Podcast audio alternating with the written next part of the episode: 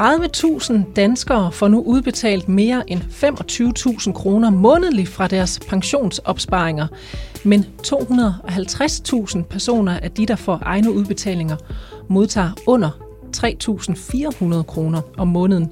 Det viser tal fra 2018 fra brancheorganisationen Forsikring og Pension. Og helt galt ser det altså ud for hver tredje pensionist. De får nemlig intet ekstra ud over deres folkepension. Og selvom mange i dag har en arbejdsmarkedspension, så er det altså langt fra alle. Og selve opsparingen er heller ikke altid stor nok til, at man kan leve det søde liv, man drømte om, når man nu skulle på pension. Men hvad kan man så selv gøre ved det, og kan du overhovedet nå det inden pensionsalderen?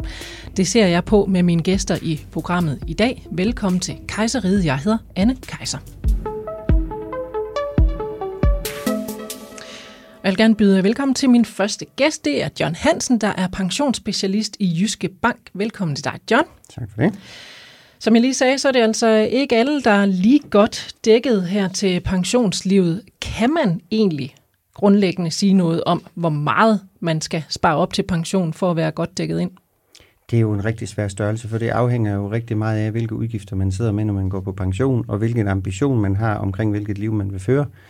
Så, så det er jo en meget, meget individuel øh, beslutning, man, øh, man er nødt til at, at tage. Og er det, er det noget, man altid sådan lige har det store overblik over? Nej, det er det faktisk ikke, fordi det er et utroligt svært område at sætte sig ind i. Fordi øh, der er rigtig mange forskellige pensioner. Der er folkepension, og der er folkepensionstillæg, der er noget i ATP, og så har man en pensionsordning via sit job, og hvis man nu har skiftet job ofte, så kan man jo være heldig at have flere ordninger. Så, så det kan være rigtig, rigtig svært at danne sig et overblik over, øh, hvor mange penge man reelt set har til sig selv, når man øh, går på pension. Nogle får jo også bare nogle frimidler op, eller har gældfri hus, eller sommerhus. Og hvordan er det, vi får omsat det til bøf og rødvin, når vi går på pension? Det er svært. Og så udover alle de øh, pensionsordninger, som vi har igennem eksempelvis arbejde og så videre, så kan man jo også vælge selv at smide sin penge aktivt i nogle forskellige pensionsopsparinger, der så kan noget forskelligt. Ja. Så det bliver det heller ikke nemmere af. Men det tager vi altså et kig på i programmet i dag. Lad os lige øh, et helt sådan grundlæggende kig på pension. Hvad, hvad, udhold, hvad, hvad indeholder pension så ud over pension i sig selv ofte? Jamen pensionen, øh, i hvert fald øh, når vi snakker med vores kunder i banken, så øh, handler det jo rigtig meget om, at man også får forholdt sig til de forsikringsdækninger, der er vigtige, fordi at øh, det er jo ikke alle, der når at, og øh, køre et helt normalt arbejdsliv igennem og så få lov at gå på pension. Der er jo nogen undervejs, der både i kort eller længere periode kan miste øh, arbejdsevnen, fordi de bliver syge. Nogle gør det permanent, nogle gør det i en periode. Og så er der altså også en vis procentdel, øh, der aldrig øh, når og pensionsalderen, fordi de simpelthen dør inden. Så det er jo lige så vigtigt også at få kigget på de elementer, for det er også en vigtig del af hele pakken. Og der er de der forsikringer, som du siger, øh, ved kritisk sygdom og, og dødsfald. Ja. Øh, og det ved jeg da, når jeg selv har, har skulle placere mine pensionsmidler, så tager man en samtale med en pensionsrådgiver, der siger, hvor meget vil du egentlig have udbetalt, hvis du bliver syg? Mm. Øh, eller hvor meget skal din efterladte have, hvis du dør? Øh, og det synes jeg, det kan være, det kan være svært at tage stilling til. Øh, hvad, hvad rådgiver, hvordan rådgiver du der? Jamen, hvis, hvis jeg skal tage udgangspunkt i, hvad vi gør i banken, så tager vi jo udgangspunkt i den økonomi, vi kender hos kunderne. Vi er jo så heldige, at vi har måske hjulpet dem til at købe et hus, så vi har fuldt indblik i deres økonomi. Vi ved, hvor hårdt de har sat sig. Øh, om de bruger alle de penge, de tjener hver måned, eller ikke gør. Og, og alt afhængig af det, så kan vi jo rådgive dem til, hvor stor en dækning de har brug for, enten hvis de skulle gå hen og miste evnen til at arbejde, eller øh, hvis, de, øh, hvis en af dem øh, dør øh, i en forholdsvis ung alder. Så er det jo vigtigt, at vi har kigget på den, der sidder tilbage med alle forpligtelserne, og, og få spurgt vedkommende om, jamen, hvad er det så, du ønsker? Vil du blive i huset? Jamen, hvor meget skal der så til, øh, for at du kan det? Og øh, og du kan jo så sidde og, og rådgive, øh, lige så vel som en øh, pensionsrådgiver fra et øh, pensionsselskab kan, kan sidde og rådgive. Men hvordan adskiller I jer fra hinanden der? Jamen, vi adskiller os jo på den måde, at pensionsselskaberne de, ud, øh, de rådgiver ud fra nogle normer. Altså at sige, at en vis procentdel af din løn, det mener vi er fornuftigt øh, ved tab af erhvervsevne, og en dødsdækning på en-to gange en årsløn, eller hvor meget det nu er. Altså med mulighed selvfølgelig kan den også ændres. Men forskellen på os og dem er, at vi har jo det fulde indblik i kundens økonomi. Og vi kan kigge ægtefælderne, partnerne sammen. Øhm, pensionsselskaberne, de kigger typisk på den, der sidder i stolen lige overfor, og kun dem, øhm, og rådgiver ud for det. Så vi, vi adskiller os lidt der, øh, i, at vi, i og med, at vi har et, et, et, øh, et mere tydeligt billede af kundens økonomi. I kan grave en lille smule dybere ja, vi kan, måske. vi kan grave lidt dybere, vi kan ramme lidt tættere på, på, øh, på kundens ønsker. Og er det alle, der har brug for det, eller kan man godt sige, jamen altså, det er fint nok at, at, at bare tage en, en snak med sin øh, pensionsrådgiver øh, i altså et pensionsselskab? Jamen, det er jo ikke, fordi de får dårlig rådgivning, for det gør de på ingen måde. Det, det, det der bliver lavet der, det er selvfølgelig super godt, og det er bestemt ikke noget, vi, øh, vi skal undvære, fordi det er rigtig godt, at alle i dag stort set har sådan en, en tunge pensionsordning, fordi det gør jo, at folk på en eller anden måde i hvert fald har noget at falde tilbage på, hvis ulykken mm. den rammer dem. Så det skal vi øh, på ingen måde væk fra. Det skal vi holde fast i.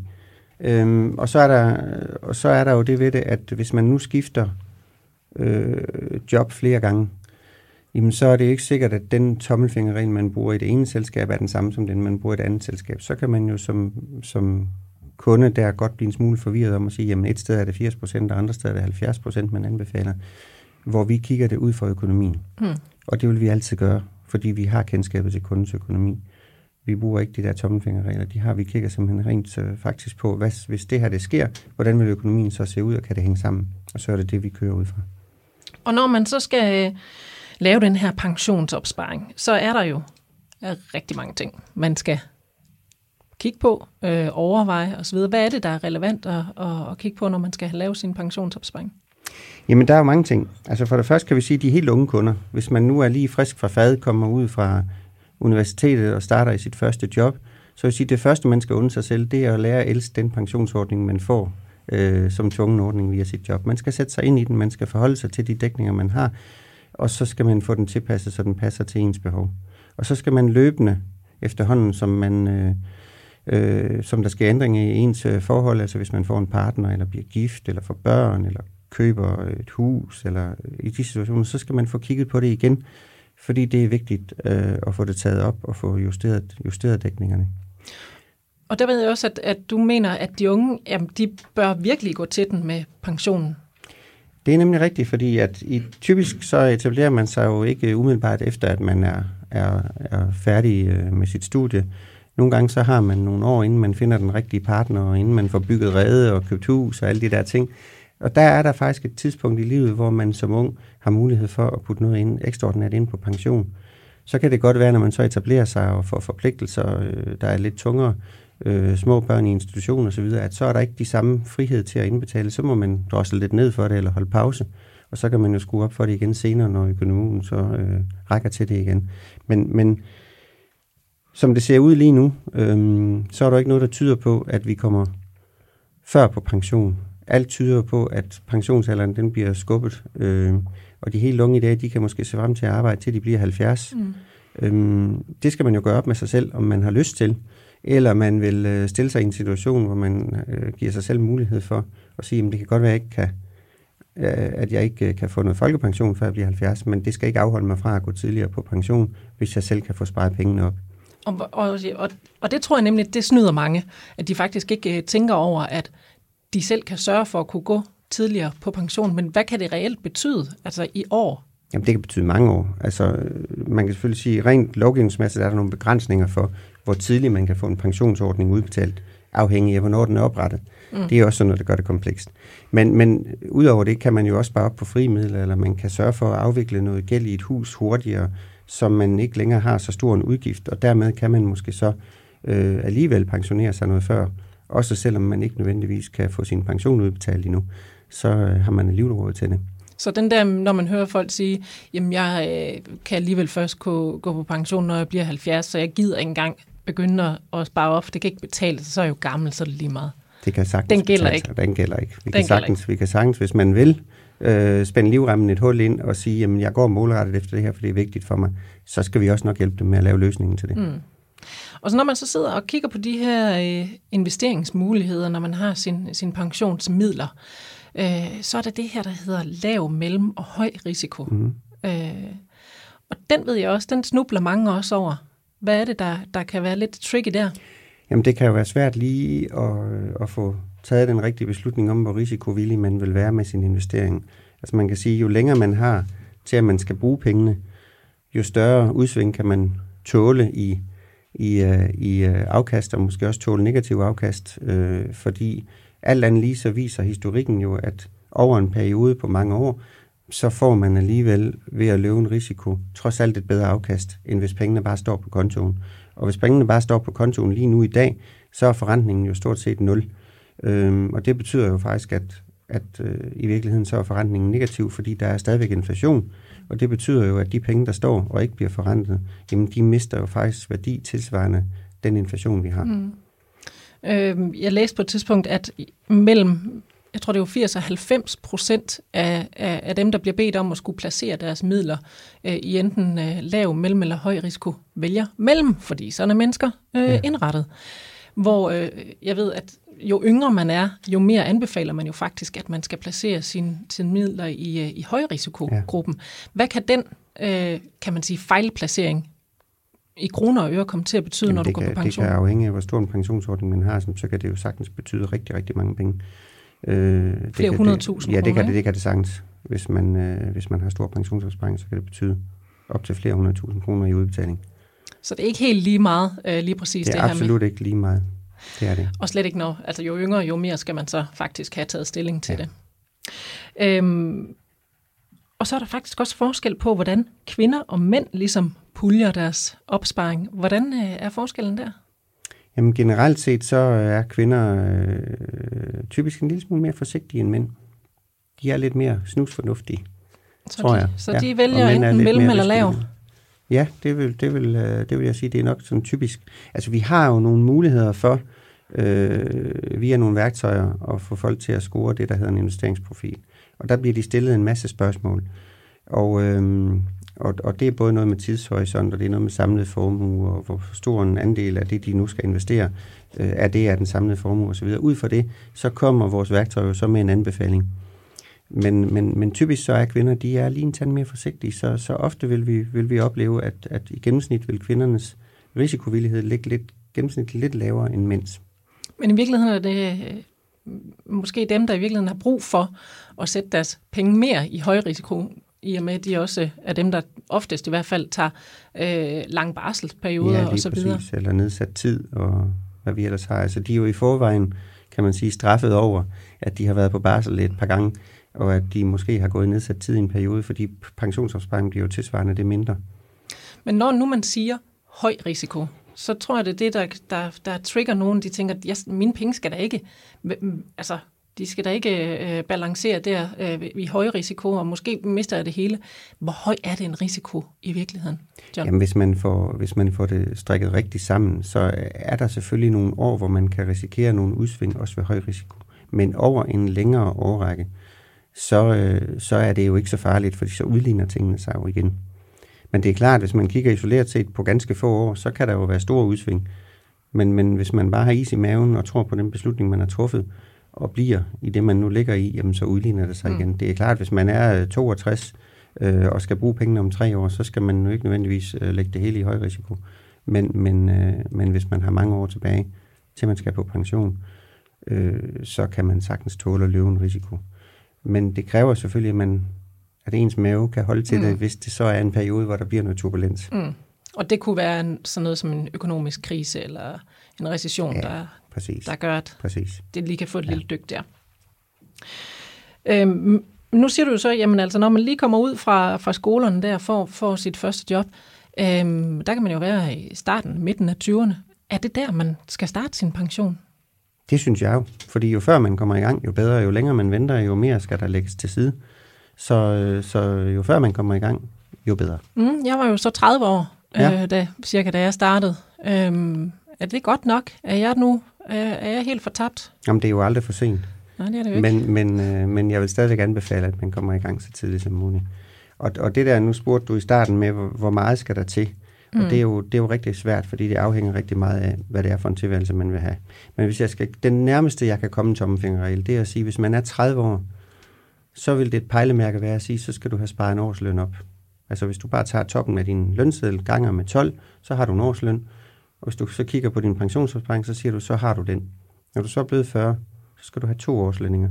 Når du er blevet 50, så skal du have tre, tre årslønninger sparet op, og når du bliver 60, så skal du så have 6 årslønninger. For hver 10 år, vi lægger til, så dobler vi op. Det er en smart lille huskeregel. Det er faktisk en rimelig simpel huskeregel, og det, det er ikke, den gælder selvfølgelig ikke altid vel, men, men, men sådan i store træk, så passer den til de fleste. Og så kan der jo selvfølgelig være nogle andre aktiver, som gør, at ens pension kan, Kan være, være lavere. mindre, Man ja, kan have præcis. Man kan sagtens have nogle huse frie midler og- stående, ja, og så, så kan man jo indregne det i sin pensionsformue, hvis man vil det. Det er helt okay. Kan man, kan man sige, at det, det kan være for sent at begynde at svare op til pension? Ja, det er nok svært at begynde et år eller to, før man skal til at bruge penge, Så for så skal skal der lægges rigtig mange penge til side. Men, men altså, jo før man kommer i gang, Ja. ja. det siger jo også næsten sig selv, Det jo bedre, klart, og jo, jo mere får man jo også glæde af det afkast, der forhåbentlig kommer af de investeringer, man laver undervejs. Og hvor mange får egentlig aldrig sparet op til pension? Jamen, Der er jo nogen, der er udfordret. Altså typisk selvstændige, de, det er ikke der, de starter. De- har jo nok i bare at få dagen og vejen til at, at hænge sammen, når de begynder deres virksomhed. Og der går en, måske en del år, inden det sådan for alvor rigtig øh, skæber i kassen. Og så skal man jo så lige huske, at man også skal tænke pension ind og så videre, og måske også nogle forsikringsdækninger og sådan nogle mm. ting. Altså typisk er de selvstændige, de er nogen, der øh, kommer sent i gang. Heldigvis har man så lovgivningsmæssigt givet dem nogle muligheder for at lave nogle større indskud øh, sidenhen. Øh, fordi der er jo også lovgivning om, hvor meget man kan spare op på pension. Men de selvstændige, de har fået sådan en lille, en lille ventil, de kan skrue på til sidst, hvor de får lov til at skyde lidt mere end, end gennemsnittet af danskerne gør. Og hvad, hvad er det så? Altså, Jamen, det er 30 procent af deres overskud, kan de indskyde per år og få fuld fradrag for det. Og så er det altså et helt kapitel for sig selv, man skal være opmærksom på med hensyn øh, til pension. Det er hele det her arvespørgsmål, altså hvad der sker med vores pension, hvis vi dør, øh, før vi kan få den udbetalt. Og her skal jeg have endnu en gæst i spil i dagens øh, podcast, nemlig dig, Anne Kjærhus Mortensen, familie- og arveretsadvokat ved Ret og Råd i Aarhus. Velkommen til. Tak. Nå, Anne, der er altså nogle ting, man skal være øh, opmærksom på i forhold til at arve pension. Hvad er det? Jamen, man skal være opmærksom på, at man faktisk ikke arver pension, fordi arv er noget, man får i form af et testamente. Og, og reguleringerne af, hvem er det, der skal modtage ens pensionssum, hvis der kommer noget til udbetaling den dag, man afgår ved døden, det skal man henvende sig til selskabet omkring og få skrevet ind i polisen. Hvem er det, der skal modtage de her penge, hvis jeg afgår ved døden? Og indtil man gør det, hvad sker der så? Indtil man gør det, så, øh, så har man ikke nogen aktiv begunstiget. Så har man ikke sat nogen ind. Og så falder man tilbage på det, der hedder nærmeste pårørende. Og nærmeste pårørende, det vil være ens ægtefælle, samlever, hvis man opfylder, at man har boet sammen to år, eller har mm. børn sammen. Og, og ellers ned til, til børnene, der modtager øh, ligeligt. Så der skal man faktisk være opmærksom på, at, øh, at det ikke gælder. Øh, altså det, det, pension er, står ligesom for sig selv i forhold til alt det her med at arve. Det, øh, det følger ikke alt det andet, Nej. øh, man ellers øh, arver, når nogen dør. Nej, man skal være opmærksom på, at det er en separat regulering, man laver sammen med selskabet, og ikke noget, man laver i form af testamentet. Og derudover, så skal man jo være opmærksom på, hvem er det så, der er ens nærmeste pårørende. Mm. Er det ens børn eller ens samlever? Og, og for fuldstændig at, at undgå, at der er uklarhed om det, så tag fat i selskabet og få skrevet den pågældende ind som begunstiget. Og så er der også forskel på, hvilken type af pension man har tegnet i forhold til det at arve øh, pensionsmidlerne. Er det ikke rigtigt? Jo, man kan sige, der, der er jo øh, forskel på, på pensionstyperne, og der er nogle pensionstyper, som sådan har i deres grundkonsistens, at det er nogen, der er livsbetinget, og dermed i udgangspunktet nogen, der bortfalder ved død. Men hvorimod sådan noget som vores rettepension, øh, kommer der øh, typisk en udbetaling i tilfælde af dødsfald. Og så er vi netop inde på alle de her forskellige typer af pension, som jeg også, øh, øh John Hansen sagde, at ja, det er altså også noget af det, som folk de kan kløjs lidt i. Hvor er det, man skal sætte sin pensionspenge henne, altså i de forskellige opsparinger? Hvad, hvad går du ind og, og kigger på der? Jamen, det er jo igen en individuel vurdering af, hvad, hvad ønsker man? Ønsker man i virkeligheden en pension, der kommer lige så længe man lever, så skal man bruge det, der hedder en livrente. Den kan man så øh, sikre sin ægtefælle samlever på, man kan også sikre sine børn på den. Altså, de er heldigvis blevet moderniseret i dag, så de, så de lidt ligner øh, de pensioner, vi har i pengestutterne i øvrigt. Fordi de, det, der kendetegner de pensioner, der ligger i pengestutterne, det er jo, at når en person dør, så kommer pengene altid til udbetaling til dem, man nu har bestemt, der skal have dem. Ja. Sådan er det ikke med livrenten. Der skal man træffe nogle aktive valg. Men, men efter livrenten er blevet moderniseret, og efter at det er blevet mere øh, hverdag at indskyde på livrenten, det var det jo for mange år tilbage, så, så kom der mulighederne på ratepension for at lave store indskud der. Så gled livrenterne lidt i baggrunden, men nu hvor der er kommet loft på, hvor meget man kan indskyde på sådan en ratepension, så er livrenten blevet moderne igen. Og der har man været inde og kigge på, hvad kan vi gøre for at gøre livrenterne øh, til, til et mere sikkert opsparingssted, sådan så pengene ikke er tabt, hvis jeg dør, men at jeg kan sikre mig, at de går til dem, mm. som jeg nu ønsker skal have dem. Og der ved jeg også, der kan man jo også øh, vælge, i hvert fald hvis man nu øh, tør kigge lidt øh, på, på sin, øh, sin, sin familie, og hvordan man ellers er, er skruet sammen, sådan rent genetisk i forhold til, hvordan ser det ud, altså hvornår dør vi i min familie? Ja. Øh, det kan jo også have noget at sige, har vi nogle arvelige øh, øh, ting, der gør, at vi, vi, vi dør tidligt, eller, eller lever vi alle sammen til vi er over 100 år? Er det sådan noget, er det reelt, at man sådan skal tage det med i sine overvejelser? Det kan man jo godt, men det kan jo være svært. Øh, altså, hvis jeg tog min egen svigerfar som eksempel, så var han overbevist om, at han døde som 72-årig, for der var ingen i hans familie, der nogensinde var blevet mere end 72. Men han blev altså sgu heldigvis 86, inden han døde. Så, øh, så han var en mønsterbryder, kan man sige. Så hvis han havde planlagt efter, at alle pengene skulle være sluppet op til, til 72 år, så havde han haft et problem. Men det de gjorde sidste, han så ikke. De sidste 14 år. Nej, det gjorde Nå, han så heldigvis ikke. Trods alt ikke. Trods alt ikke. Men så det, det, det kan man selvfølgelig godt bruge som pejlemærke, men, mm. men vi må jo bare erkende, at folk lever længere og længere. Vi har det også bedre, så det giver rigtig god mening at, at, at spare op på en mm. livrente. Og Anne Kævs Mortensen, hvornår, hvor, hvor ofte oplever du, at der er problemer i forhold til arvesager? Altså at øh, folk de har glemt at tage, tage stilling til nogle ting, eller Jamen heldigvis oplever man det jo ikke så ofte, og heller ikke så ofte, som, som der bliver givet udtryk for i fjernsynet. Men, men der opstår arvetvivl en gang imellem, og der, hvor det kan være en udfordring, det er der, hvor folk ofte selv har været inde og lavet testamente, og simpelthen ikke fået tænkt over forsikring og pensioner. Mm. Og, og det, er, det er en udfordring, for så har vi ikke nogen regulering i forhold til den. Og, og den anden del, det er, at man oplever også en gang imellem, at folk har tænkt, at nærmeste pårørende var en anden, end den nærmeste pårørende rent faktisk er. Så, så derfor, at, øh, at der lige består to og, og konflikter om, hvem var det egentlig, far tænkte skulle have den her mm. pensionsordning, mm. fordi der ikke er skrevet noget ind nogen steder. Ja. Og far er væk. Så, og far er væk. Så han kan ja. jo ikke rigtig selv svare i hvert fald. Øh, og så er der, ved jeg, der er kommet en ny lov øh, i forbindelse med separation og skilsmisse. Hvad er det, der, der er på spil der i forhold til at arve? Ja, man kan sige, tilbage i, øh, i 07, som jeg tror, man kalder skilsmissernes år, der, der var der noget opmærksomhed i forhold til, hvordan skal forsikring og pensioner betale, øh, behandles i forhold til separationsskilsmisse. Mm. Øhm, så, så du må selv bestemme, om du kalder den ny, for det ligger lidt tilbage, men, men, øh, men den gang, der, øh, der lavede man ændret udgangspunktet, hvor, hvor vores udgangspunkt er, når vi indgår ægteskab, og vi bliver skilt, så skal vi dele alting. Så ændrede man udgangspunktet dengang til, at det gælder ikke det, det man kalder rimelige pensioner.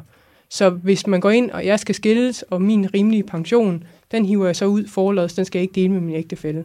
Og som John sagde lige før, så er der forskel på, hvad mænd og kvinder indbetaler på pension. Mm. Altså kigger man på det gennemsnit, er der en 120-130.000 i forskel på, hvad mænd og kvinder indbetaler på pension.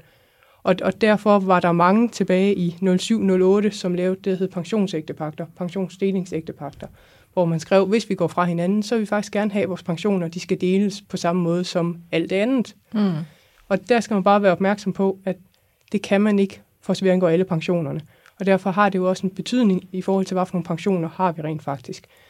Tilbage, da de regler kom, var der, som John sagde lige før, ikke ret mange livrenter. Men i og med, at, at vi fik nogle skattereformer, som gjorde, at flere og flere begyndte at indbetale på livrenter, så kan vi se, at flere og flere de har livrenter. Mm. Og livrenter kan man ikke aftale deling af. Så rigtig mange af de ægtepagter, der er lavet dengang, hvor man har skrevet, at i tilfælde af separation skilsmisse, så vil vi gerne dele alle vores pensioner. Der kommer vi til at se udfordringer. Vi kan allerede nu se udfordringerne i separation skilsmisserne, mm. fordi der sidder typisk en hustru og tænker, at vi har aftalt, at vi skal dele hele muligheden. Og så sidder der en mand på den anden side og siger, det er meget fint, men det vi skal dele, og det vi kan dele ifølge loven, det er min kapitalretpensioner. Jeg har langt det meste over min livrenter. Så der kan vi stille og roligt se, at nu kommer de her konflikter desværre. Så det er absolut også noget, man skal Det skal man tænke også tænke ind, ja. Selvfølgelig så er det jo ikke det sjoveste at, at tænke på, når man laver en, en, en, en pension. Kan jeg vide, om jeg bliver skilt en gang? Nej, men, det er jo aldrig sjovt at tænke på separation, skilsmisse eller død for en sags skyld, men, men, men det er det jo dog en overvejelse. Ja. Ja. Kan man testamentere til hvem som helst? Kan jeg, kan jeg gøre, hvad jeg vil med min pension? Øh, når man skal ind og kigge på reguleringen af, hvem der kan modtage ens pension i tilfælde af død, så, så er der nogle begrænsninger på det i, i forhold til de pensioner, hvor man får et fradrag på. Og der har man i pensionsbeskatningsloven indsat en kreds af nærmeste pårørende, som man kan indsætte som begunstiget. Og hvis det for eksempel ens fætter, man ønsker skal være begunstiget, så må man i stedet for sørge for, at pengene de rører ind i boet, så man sætter boet på som mm. begunstiget, og så laver et testamente til fordel for fætteren.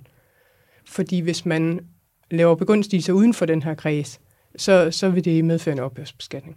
Eller naboen, eller dig. Eller mig. Hvis det, hvis det var, jeg fik lyst til at testamentere min ja. pension til dig, så skulle jeg altså omgås det på en lidt anden måde. Ja. Okay. Og, øh, og John, hvis vi, hvis vi så kigger på de her pensioner her, hvor ofte er det så relevant at gå ind og kigge på omfordeling af midlerne? Jamen altså, jeg vil sige det på den måde, som vi startede, startede med at snakke om, jamen så betyder forsikringsjordelen mest i de, i de yngre år, hvor man har forpligtelser over for børn, der er mindreårige osv. endnu. Der er det jo rigtig vigtigt, øh, når man er nyetableret med hus og alt muligt andet, at, at øh, forsikringsdelen, øh, at dem er der tjek på, sådan så hvis der sker et eller andet, jamen så vælter økonomien i hvert fald ikke. Så har vi, så har vi råd til at køre videre derfra. Og efterhånden, som der så er mindre og mindre behov for den del, altså i takt med, at vi får nedbragt gæld i hus, og vi måske får nogle bedre jobs med nogle lidt bedre lønninger, og der bliver lidt mere luft i økonomien, daginstitutionspladserne er faldet væk, og, og så videre, jamen så øh, skal man jo kigge på, om, om man skal skrue op for, for pensionsopsparing, og mm. måske skrue lidt ned for forsikringer og få dem tilpasset. Altså forsikringer er jo rigtig gode at have. Øh, de, de kan ikke undværes, bestemt ikke, men det er jo også vigtigt, at vi ikke betaler for noget, vi ikke har brug for. Mm. Fordi de penge kommer ikke igen. Så er det bedre at spare dem op over pensionen, fordi der ved vi, der får vi trods alt glæde af dem på et eller andet tidspunkt. Forhåbentlig da, ud i tid, ellers gør vores pårørende. Og jeg tænker jo så en helt anden ting, ikke? fordi hvis man har sine øh, pensionsopsparinger, så er de jo så låst øh, indtil man når en vis alder, det har vi talt om. Hvorfor kan, altså kan man så ikke bare sige, at de her penge her, jeg gerne vil bruge til min pension, dem investerer jeg i stedet kan, for? Det kan du da sagtens. Du kan jo bare spare op i frie midler. Det er der også nogen, der gør. Problemet er bare, at du skal huske, Anne, at der er jo rigtig mange fristelser undervejs. Så næste gang, du skal købe en bil, så kunne det være den der, der stod ved siden af den, du ellers havde kigget på, til der koster 50.000 ekstra. Den er lidt smartere. Så tror du ikke, jeg har haft nok til at... Jo, det er, der, det er der nogen, der er, men der er også rigtig mange, der ikke er, fordi ja. rent psykologisk, så er der fristelser hele vejen derhen af, til vi skal til at bruge pengene. Så vi risikerer, at de ikke er der. Så der skal eller man også lige kende sin egen øh, viljestyrke i forhold ja. til at købe ja. pæne biler, eller hvad det ellers måtte være, ikke? Nogle gange skal man kigge sig selv i spejlet og være mm. ærlig over for sig selv. Ja, det skal man jo så. Hvis nu man så kommer for, for sent i gang, er der sådan nogle uh, shortcuts, man kan, man kan sætte, John? Eller er skaden ligesom bare sket? Jamen altså, hvis man vidderlig er kommet for sent i gang, og ikke får sparet de penge op, man har, og ikke har dem andre steder i mursten eller noget andet, jamen så er der jo kun én ting at gøre, det er at skrue livremmen ind. Så må vi så jo, så, må det være, så bliver det vand og brød i stedet for bøf og rødvin. Ja, jamen, så må det jo være det. Ja. Tusind tak, fordi I ville øh, være med i, øh, i øh, det her pensionsprogram. Tak, John Hansen, pensionsspecialist i Jysk Bank, og Anne Kaus Mortensen, advokat med speciale i familie- og arveret og indehaver af ret og råd i Aarhus. Kejserids øh, reaktion det er primært mig, vil jeg sige, kan kontaktes på øh, mailadressen, der hedder anne og der tager jeg altså gerne imod øh, bud på øh, økonomiske emner, du godt kunne tænke dig, at jeg tager fat i her i studiet. Så er der altså et øh, nyt afsnit klar af Jyske Banks podcast i næste uge. Jeg hedder Anne Kejser. Tak for nu og på genhør.